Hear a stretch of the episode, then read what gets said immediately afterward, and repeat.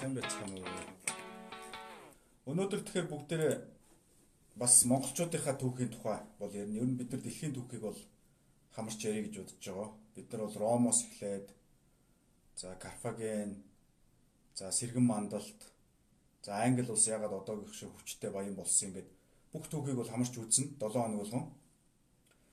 За эхний үедээ бол бид нар ерөнхийдөө монголчуудынхаа түүхийг тэгээд өмнө нь би бас хэлсэн Монголын өнөөдрийн энэ газар газрын зураг байгаа. Энэ газрын зургаас гадна бичигдсэн монголчуудынхаа түүхийг одоо үзье гэж.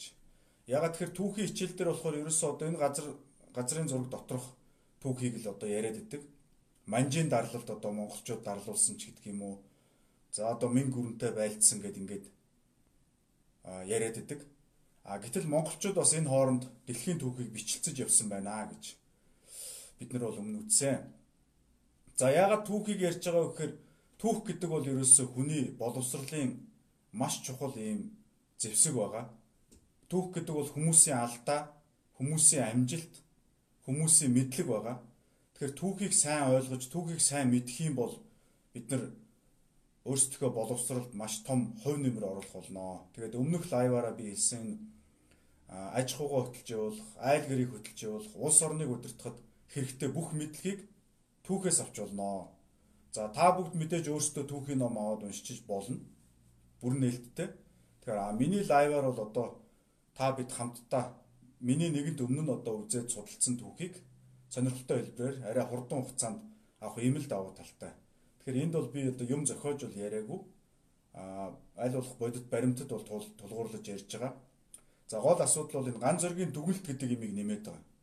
Тэгэхээр түүхч хүн болгон өөрийнхөө одоо мэдлэгийн цар хүрээ өөрийнхөө одоо ойлголт ерөнхий мэдлэг дээр тулгуурлаж тухайн түүхэн үйл явдлыг бол дүгндэг. Энэ өөрөө түүхийг сонирхолтой болгодог. Тэгэхээр ганц зориг гэдэг хүний дүгнэлтийг өнөөдөр хийж байна гэсэн үг.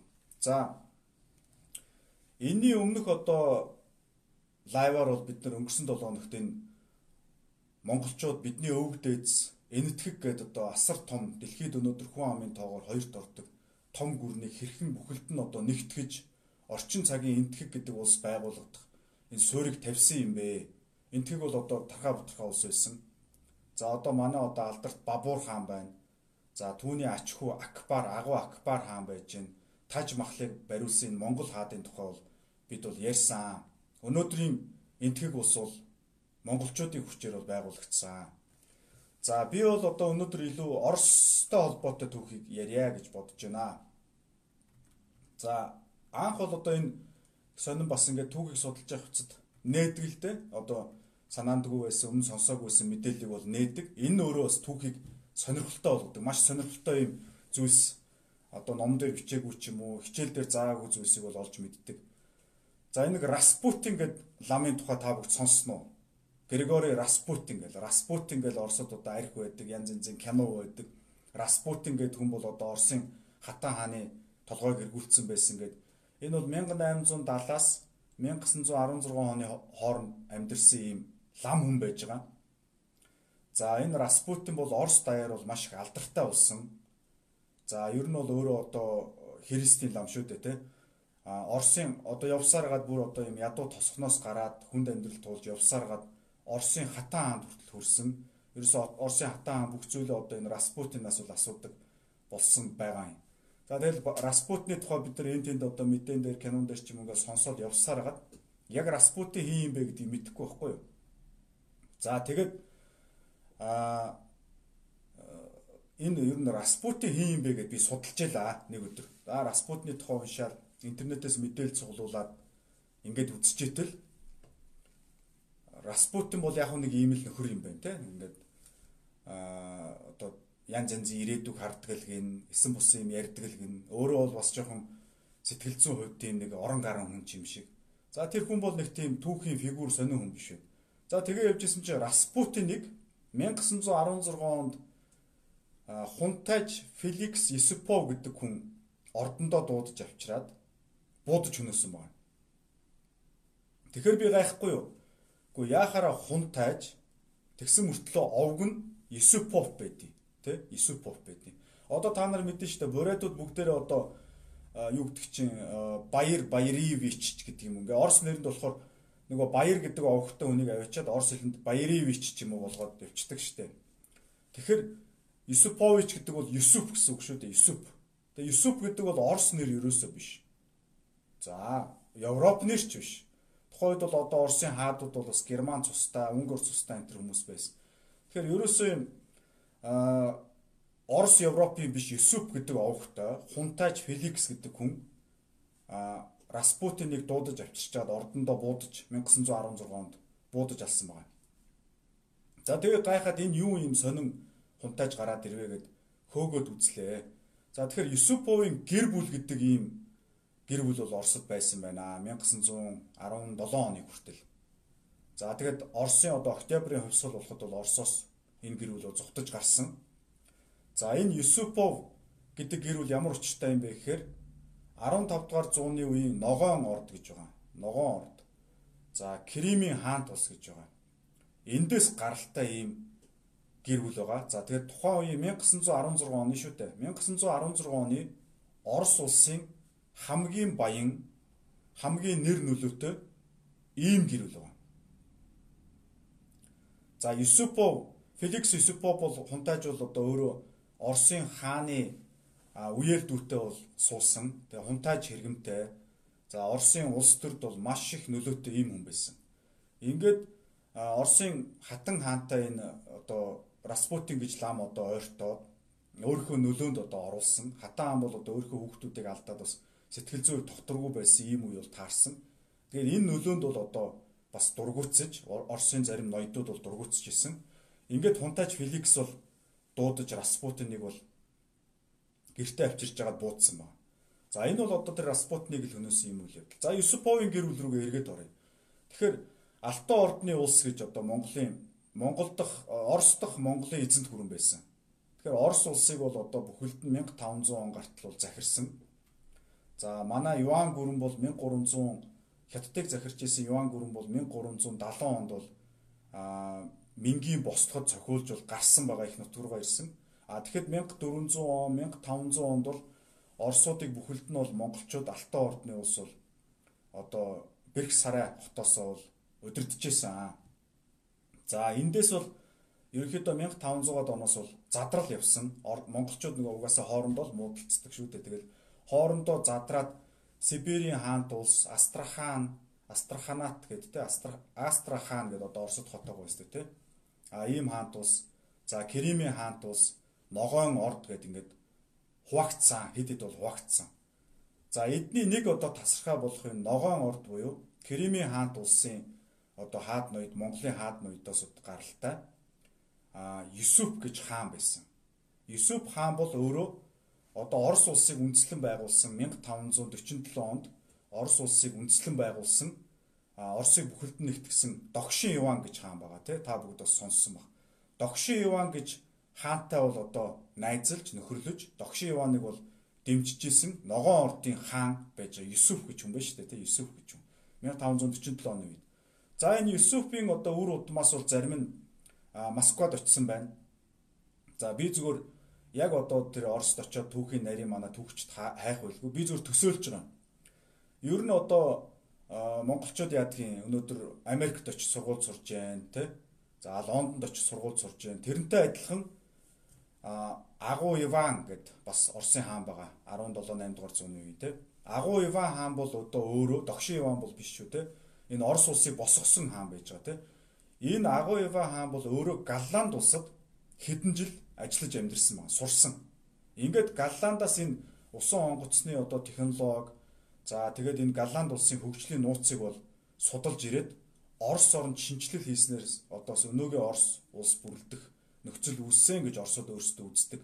Тэгэхээр яаж чинь Оросын хунтайж Иван гэж хүүхэд Галландд очиж туршлага судалж байна. Үүнтэй адилхан Монголын Алтан ордны хаадын хунтайч нар бол одоо бас энэ Оросын Москва, Санкт Петербург энэ хотуудад бол очиж энэ 15 6 дугаар зуунд бол сурдаг байжээ. Оросын хунтайч нартай одоо цуг сэргийн сургуульд сурдаг. Цэргийн давтлага хийдэг, яадаг юм те бичиг үсэг үздэг ийм юм байсан байна гэж бас харагдаж байгаа. За тэгэд мэдээж одоо нэг хаан чинь хэд хэдэн хүүтэй байна, хүүхдүүдтэй байна.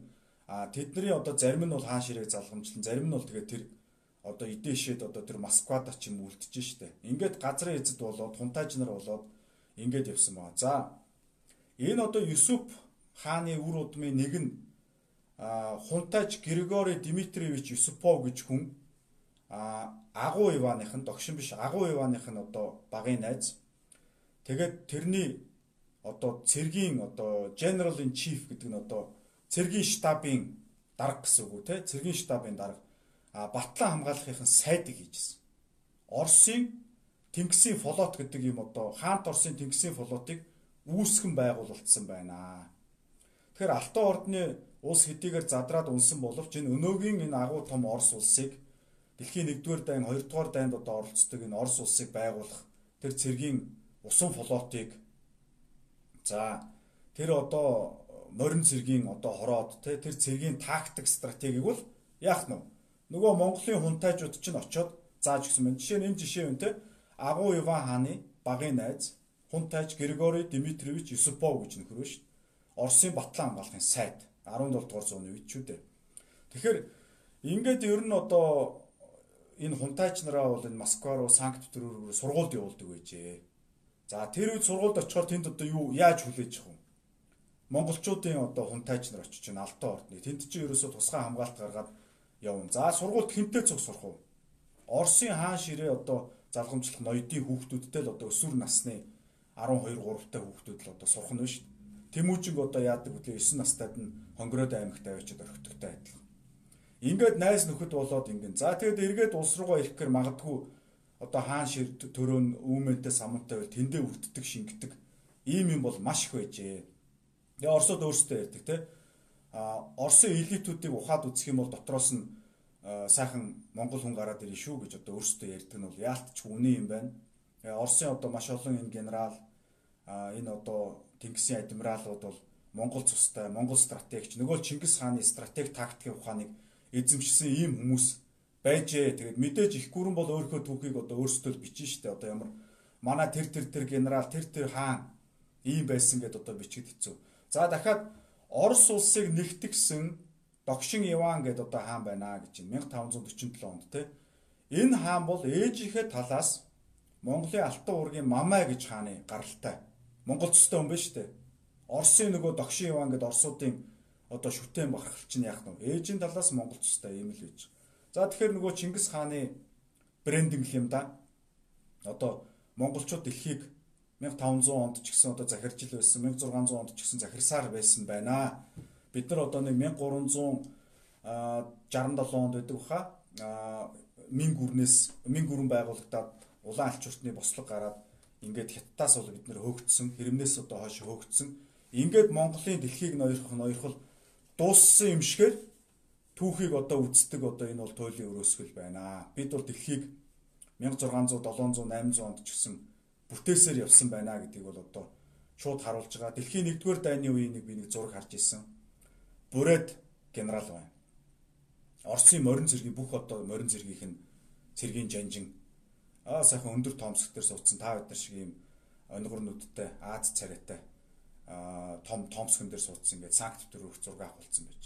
Тэгэхээр энэ монголчуудын цэргийн уур ухаан гэдэг юм бол Орос гэдэг үндэснийг улсыг бол босгож иржээ гэдгийг харуулж байгаа. Тэгээд энэ Юсупийн гэр бүл бол явсаар гад 1916 он гэхэд бол одоо Москвагийн болоод Оросын хамгийн баян дэлхийн одоо бүх одоо урлагийн үнэт зүйлс очир алмазыг бол одоо цуглуулчихсан. За дээрэс нь одоо хааны ихтгэлтэй нөхөр хаанд хамгийн ойрхон ийм гэр бүл бол байсан байна. Тэгээ Распутин гэж нэг лам гарч ирээд хатан хааныг одоо уруулж оюун санааны үед эзэндээ ингээд эхлэхтэр нь яах нь шарлагсан уу атаархсан уу ордондоо дуудаж авчираад буудаж алсан ба. Тэгээд Феликс Юсуповыг бол яач чадаагүй. Ингээд байж исэн. За тэгтэл 1917 оны удаа хувьсгал гарсан. Октябрь хувьсгал гарсан. Ингээд энэ Оросын хаан Николас бол Николай бол өөрийн одоо таван хүүхдийнхээ хамтаар эхнэрийнхээ хамтаар бол хэрцгийгээр бол цаазлуулсан большевикуудад. А харин Юсуповын гэр бүлийнхэн бол Оросоос бол бүх одоо очир алмаз, уран зураг юмнуудаа бол аваад зүхтааж бол амжсан байдаг. Тэгээ Феликс Юсупов бол өөрөө 1940-од оны хүртэл бол амьдэрсэн а уучлаарай 1940 биш 1967 оны хүртэл амьдэрсэн маш урт наслсан юм байж байгаа. За тэгээд Майнерийн одоо үр ачнаар бол одоо өнөөдөр Испанд байдаг гэсэн бас тийм сураг гарч байна. Ер нь ингээд Монголын Чингисийн удмын хаадууд хамгийн сүүлд 1917 онд Алим хаан гэж султан хаан бол байсан. Узбекийн султан хаан. Монголчуудын одоо шууд удмын. За энэ Алим хааны одоо жишээ нь ач охин бол өнөөдөр Америкийн дуу хоолой радиод бол одоо ажиллаж байна гэсэн мэдээллийг бол би авч ирсэн. Тэгээ эдний үр хүүхдүүд бол одоо ингээд дэлхийгээр тараад бас явж байна. За тэгээд ер нь бол одоо өнөөгийн орчин үеийн Орос улс. За энэ улсын одоо өөрсдийнх нь түүхэнд бичигдсэн байна. Оросын усан цэргийн флотыг а энэ Монгол хүн байгуулсан байна те. Хунтайж Григори Дмитриевич Юсупов гэж те. Оросын батлан хамгаалахын сайд байгуулсан байна гэж. За, үг ихтлээ өхөр холдлоо хэдүүлээ нэг юунуудаа уучи. Айрга нэг уучи. Хөргөчөнд аваад хадгалсан эсэлтийг нь жоохон зогсоохгүй бол бүр хадуурах гээд болдгоо. Ерөөхдөө гайгүй байна уу?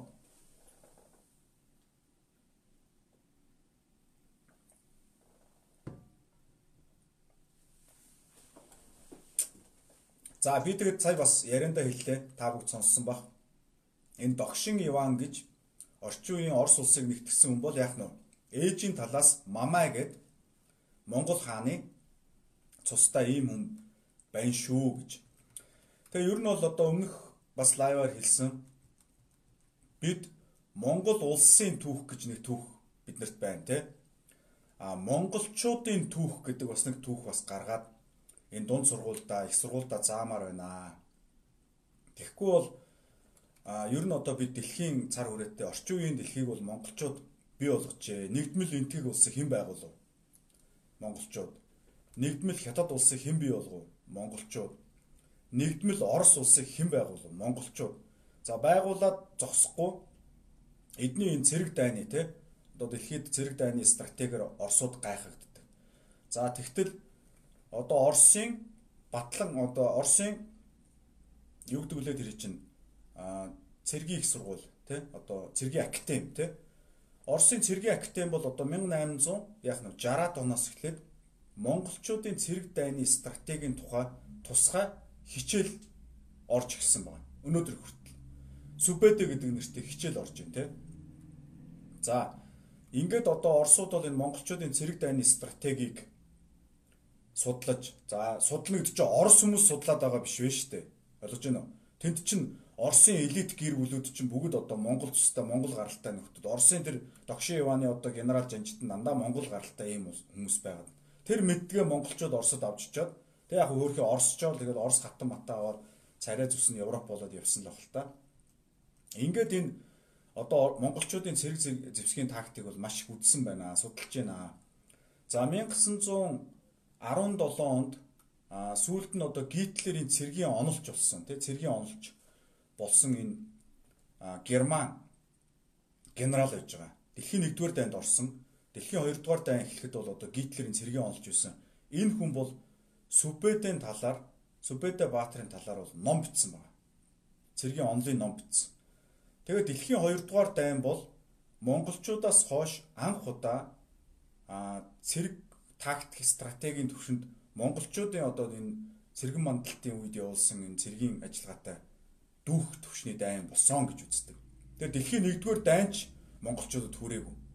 2-р дайнаар арай гэж үрсэн. Яагаад хүрсэн бэ гэхээр 2-р дайн гэхэд Оросууд аль хэдийн 50 60 жил монголчуудын стратеги тактикийг судлаад нэвтрүүлсэн байсан. За германууд бол 1917 онд номоо бичээд Гитлерийн цэргийн онолч нь өөрөө Сүбэдийн талаар ном бичсэн хүн байгаа шүү дээ. Ингээд гэт Герман болон Орос гэд хоёр одоо монголчуудын стратеги тактикийг ойлгоцсон, менежментийн ухааныг ойлгоцсон хүмүүс бол хоорондоо тулсан. А бид нар бол яг энд мангаагаад сайхан ингээд сууцгааж байгаа. Тэрийг огт таг мартцсан. Тэгээ манай Батлан хамгаалахын сургуульд, тагнуулын сургуульд энэ монголчуудын те одоо энэний онлыг үндэслэгч хүн бол мэдээж Чингис хаан а тэрийг амьдралд одоо супер төвшөнд хэрэгжүүлж дараагийн үед хүргэсэн хүн бол Сүбэдэ Баатар байж байгаа. энэ хүмүүсийнхээ талаар үздэг юм уу гүм үү би сайн мэдэхгүй байна. Сайн мэдэхгүй байна. За тэгээд би түр хэллээ шүү дээ. Дэлхийн түүхэнд Чингис хаан Сүбэдэ Баатар хоёрын хийсэн стратеги тактик урд хожид гараагүй. Тэр Ромын эзэнт гүрэн агуу Александр хаан тий Грек Македоны за одоо өөр хэн байдгийг гараагүй. За дараа нь дэлхийн 2 дугаар дайнд арай хийж дүүж өтсөн гэж байна.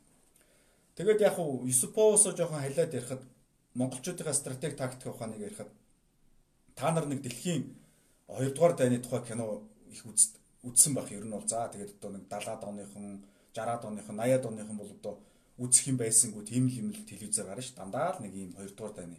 За тэрэн дээр ингээл цэргийн цуваа яваал хажуугаар нь яадаг гал асаацсан ингээд утаа гарч идэг. Утаас авсч идэг. Тэр тийм үзэгдлийг та бүгд санаж байна уу? Тэр ямар учиртай вэ гэхээр а утаан хөшиг гэж нэртэй сүбэдэгийн зохиол тактик баггүй юу. Тэгэхээр утаан хөшиг ингээд тавих дээр цэргийн хөдөлгөөнийг нууж байна. Нэг л их утаал харагдаад байна шүү дээ. За сүбэдэ Баатар энийг яаж ашигладаг байсан гэхээр дандаа л өөрөөсөө одоо тоогоор олон хүчээр илүү дайсантай байлддаг байсан учраас ерөнхийдөө ийм тал газар хэрвээ тулгарх юм бол дайсны армиг хэдэн хэсэг болгож эхлээд морин зэргүүд ороод хуваадаг. Дундуур нь одоо ингэж давхиж ороод хуваахна шүү дээ. Хуваамагцаа хоорон дур нь утаан хөшиг татдаг байсан ба. Утаан хөшиг. Тэр нөгөө дэлхийн 2 дугаар дайны тэр кинон дээр гардаг утаан хөшиг гэсэн. Тэрийг ингээд сайхан татаад өгөхдөр ингээд нэг юм таван ширхэг ингээд том тал дээр байгаа одоо арим бол таван ширхэг юм тасалгаанд хуваацсан юм шиг болоод хуваагчиж. Ингээд нэг нэгээр нь монголчууд цогтөг. Очоод цохин, цогоод цохоод явчих. Тэгэхээр утаан хөшигний цаана утаан ханны цаана л одоо орилон чарлаа л болоод байна. Тэгээд дайсны айр мэддгүү. Тийш яваад орох хэвээр юм уу? Баахан л утаа байгааддаг. Хүлээх хэвээр юм уу? Бүү мэд те. Энэ хооронд нь ингээд цаахан тав өрөөнд хувааж жагаад өөрөөсөө том айр ингээд цохоо цохоод явчихдаг. Энийг бичиг үсэггүй сүбэдэ за Чингис хааны ч гэсэн бичиг үсэггүй байсан гэж. Хинээс хаанаас сурах уу? Яг тэгэхээр дэлхийн өмнөх дайны түүхэн тийм байхгүй. Тэгэхээр энийг бүгдийг нь зохиож байна. За тэгвэл ийм төвшний зохиол одоо ганцхан л би одоо стратеги тактик ярьж шít. Өөр одоо бүр үе төмийн бүтэн хичээл болгоод цаанчаа судлаад шүү дэлхийд. Дэлхийн одоо Америкийн батлан хамгаалахын сургуульд Сүбэдэ гэдэг одоо хичээл үзэж байна те. Энийг одоо яаж бий болгоод байгаа юм бэ? Харвардад сурах хэрэгтэй юм уу? Таван хэлээр ярих хэрэгтэй юм уу? Магистр байх хэрэгтэй юм уу? Магистр докторууд байж иж ус хөгжих юм уу? Тэ? Гэтэл тэнд бичиг үсэггүй хоёр малчин залуу байж 8 шар гадуу хариулж явсан хоёр хүн ингээд ингээд өмнөх мянга хойдох одоо мянган жилийн түүхэнд гараагүй стратеги тактик хийцэн. Өнөөдөр тэрийг нь дэлхийн бүх цэрэг аймууд хэрэгэлдэг. А бид энд ингээд үнэхээр одоо инээдтэй эргүү мэдрэл юм шиг ингээд сууцгааж яана л да. Нөгөө Оросд нь очисон одоо хайшин Сүбэдэг эргэж судлах гэдэг юм ааш. Америкт одоо очиж Монголынхоо тактик үзэх гэдэг юм ааш. Ийм байна. За тэгээд энэ стратеги тактикийн ухаан гэдэг бол зөвхөн цэрэг биш ээ. Энэ цэрэг биш ээ. Айл өрх, хувь хүн, компани, бизнес, улс орныг удирдах ухаан юм аа. Улс орныг удирдах ухаан. Тэгээд одоо компаниуд гэлдэг чинь Google гэлдэг чинь Facebook гэлдэг чинь за Steve Jobs гэдэг хүн байж чинь тий Steve Jobs гэдэг хүн одоо хөрөхөд талигч болсон. Энэ хүн бол одоо орчин үеийн хамгийн агуу стратегч, тактикч хүн байж чинь тий Стив Джобс бол одоо Apple гэдэг компанийг өөрөө байгуулад хэдэн тэрбумын компани болгоод хөөгдөж гараад авчирсан одоо өөрөө урьж авчирсан гүйцэтгэх захиралтай одоо улс төр хийлгэж хөөгдөж гараад гарсан өнөө Pixar гэдэг тэрбум 2 3 тэрбум долларын компани бий болгочих. За тэгээ явжсэн чинь Apple нь эргэж дампуураад. Гэхдээ Стив Джобс чи ирэхгүй болохгүй гэд буцаж ирээд. Тэгээ босгоод өнөөдөр одоо Apple гэдэг компани дансанд нь 300 тэрбум доллар байна. Та бүгд боддоо одоо нэг хувийн компани 1997 онд штэ дампуураад 200 сая доллар одоо хүнээс зээлэхгүй бол дампуурах гэж исэн компанийг Стив Джобс дахиж хоёр дахь аваад 97 онд 20 жилийн дотор дансандаа 300 тэрбум долларт. Жил болгон орж ирж байгаа орлогыг одоо эс тооцъё л доо. Жил болгон орж ирж байгаа одоо хэдэн зуун тэрбумын орлогыг хаях бэлэн мөнгө 300 тэрбум доллар. А гэтэл өнөөдөр монголч нь юу юм? Улс эцтэй бүтэн улс 3 сая хүн байна. 8 900 жилийн одоо бид нар түүх байна те байгалийн баялаг байна. Гэтэл өнөөдөр манай засгийн газрын дансанд хэдэн доллар байна ер нь. А эсэргээр хэдэн долларыг бид нар өртөө сууж байна гэдэг ийм л юм явж байгаа. Тэгэхээр би зүгээр яг орчин үед бол агуу стратегч тактикчийг бол Стив Джобс гэж боддог. А яг энэтэй адилхан зүйлийг бол тэр 800 жилийн өмнө хийсэн хүмүүс бол одоо манай Чингис хаан байна. Сүбэдэ Баатар байна. Батхааны байлдан дагуулт гэж яриаддаг. Батхааны байлдан дагуулт байгаагүй шүү дээ. Энэ Сүбэдэ Баатарын байлдан дагуулт байсан. А Бат өөрөө Алтан уургийн одоо хунтайж учраас Батын нэрээр нэрлэгдэж явсан. Тэ? Тэрийг дэлхий өнөөдөр хүлээн зөвшөөрсөн. Бат гэж нэр ярихгүй. Сүбэдэ гэд тэнд чинь хүмүүс шүтээд байж шүү дээ. Тэ? За иймэрхүү одоо ийм юм байна. Тэгээд Оросын энэ цэрэг айрам яаж дэлхийд богино хугацаанд номер 1 болсон юм бэ гэвэл энэний ард талд Юсуповын тэ Юсуповын одоо family гэж тэ Юсуповын гэр бүл шиг ийм Монголын одоо олон одоо гэр бүлүүд байжээ. За эргээд манж чин гүрэн гэдэг байж. Одоо манжууд чинь 300 мянган хүн байсан гэж. Монголчууд тухайн үед одоо би бодоход нэг ойртуудтайгаа нийлээ 2 сая байсан биз. Тэгэхэд 300 мянган манж монголчуудыг нэгтгээд өөрсдөө тэгээд мэн гүрнийг эзлэхэд гол үргийг хэн гүйцэтгэв?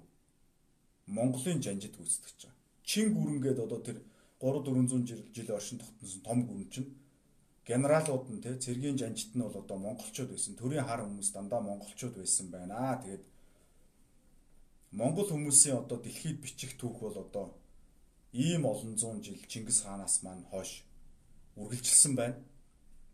А энэний нууц бол стратеги тактикийн ухаан байж а харамсалтай нь энэ стратеги тактикийн ухаан маань Монголын хилээс өнөөгийн орчин цагийн би Монголыг ярьж байгаа шүү. Монголын уг нь хил гэж ярил одоо Шинжаан уйгур өвөр Монгол одоо тэр ижил мөрөнтэй одоо хуучин манай Алтан ордны бэрх сарай байсан газар гэд ингээд Монголын улс гэвэл ийм том улсууд бол яригдэн зүгээр яг орчин цагийн Монголын хил хилээс гадна энэ стратеги тактик ухаан маань явчихжээ. Гадна байсан монголчууд маань энэ ухааныгаа одоо аваад энэ одоо Орос энтхийг одоо юу гэдгийг те хятад гэж улсуудыг цэрэг зэвсгийг нь хүчрхжүүлээд явцсан байна. Аа дотооддоо харин бид нар одоо яасан бүүмэд ингээд жоохон ой санамжаа мартцсан балартцсан юм байдалтай байгаа байна гэж зүгээр ойлгож байна. За ингээд 30-аад минут болсон байна. За яриагаа ерөөхдөө бас өндөрлөе гэж бодож байна. Ирэх 7 хоногт хэдүүлээ бас маш сонирхолтой сэдвээр түүхийн ийм гогцоо сонирхолтой түүхээр бол уулзах болно. А бидний хувьд бол одоо ямар нэг монголчуудын агуу ген тэ дээд тэнгэрээс одоо заяатай хувь заяа а хизээ нэгэн цагт одоо Чингис хаан гинт төрөөл одоо биднийг босоод гээл одоо аваад явна гэдэг ийм юм бол огт яриаггүй. Ийм юм байхгүй. Монгол хүний ген хятад хүний генээс илүү гарах юм юу ч байхгүй. Монгол хүнд ямар нэг илүү дээд хувь заяа байхгүй. А Монгол хүнд нэг удаа бид нар түүхэндээ хийсэн а одоо дахиж давтаж хийх ёстой нэг юм байгаа. Энэ бол стратеги, тактик, менежмент. Энийг Стив Джобс гээд одоо Лебанон гаралтай аав нь одоо Лебанон тий а эцэггүй одоо өссөн ээж нь одоо бас тийм нэг жоохон ядуу ийм Лебаноны релиз юм нөхөр Америкт хийж байна. Америк тийм өрсөлдөөнтэй зах зээл дээр зүгээр одоо бидний одоо яриагаар солиоруулад те өөр амьд ахуудаа зүгээр хэдэн тэрбум долларын хичнээн бизнес босгоод явчих чадчихээн. А энийг бид өнөөдөр сэргээж санах ёстой гэдэг үед ийм л асуудлыг ярьж байгаа. За тэгээд та бүгд маань а боломжтой бол нууц товч байгаа бас нэг эргүүлж уншаасаа гэж хүсэж байна. Тэгээ бид бол ирэх одоо бямб гаргийнхаа оройны 8 цагт бол дахиад лайваараа бол уулзцгаана. А хэд хэдэн одоо бямб гарагт бол энэ Монголынхаа түүхийн балархай монголчуудын одоо дэлхийн түүхэнд бичигдсэн энэ зүйлсийг бол ярих гэж бодож байна. А тэрнээс цаашаа бол одоо дэлхийн түүх рүү бол орон Роми эзэнт гүрэн Грекээс болоод бүгдийг нь ярина гэж бодож байна. За ингээд бүгдээрээ одоо би яриад байгаа учраас жоохон уулт айраг маань дундрахгүй байна. Та бүгд маань айргаа угаа дууссан уу? За зарим нь айраг, за зарим нь одоо юу ууж байгаа. За ингээд би бол төсөөлөхдөө ингээд энэ аяр айргийг бол дуусгаал сайхан 50 яриад ингээд одоо бүгдээрээ ингээд уулзаад найзууд сайхан тойроод суугаад те яг буу халдаг штэ орой нэг сайхан суугаад тэгж төсөөлөд байгаа.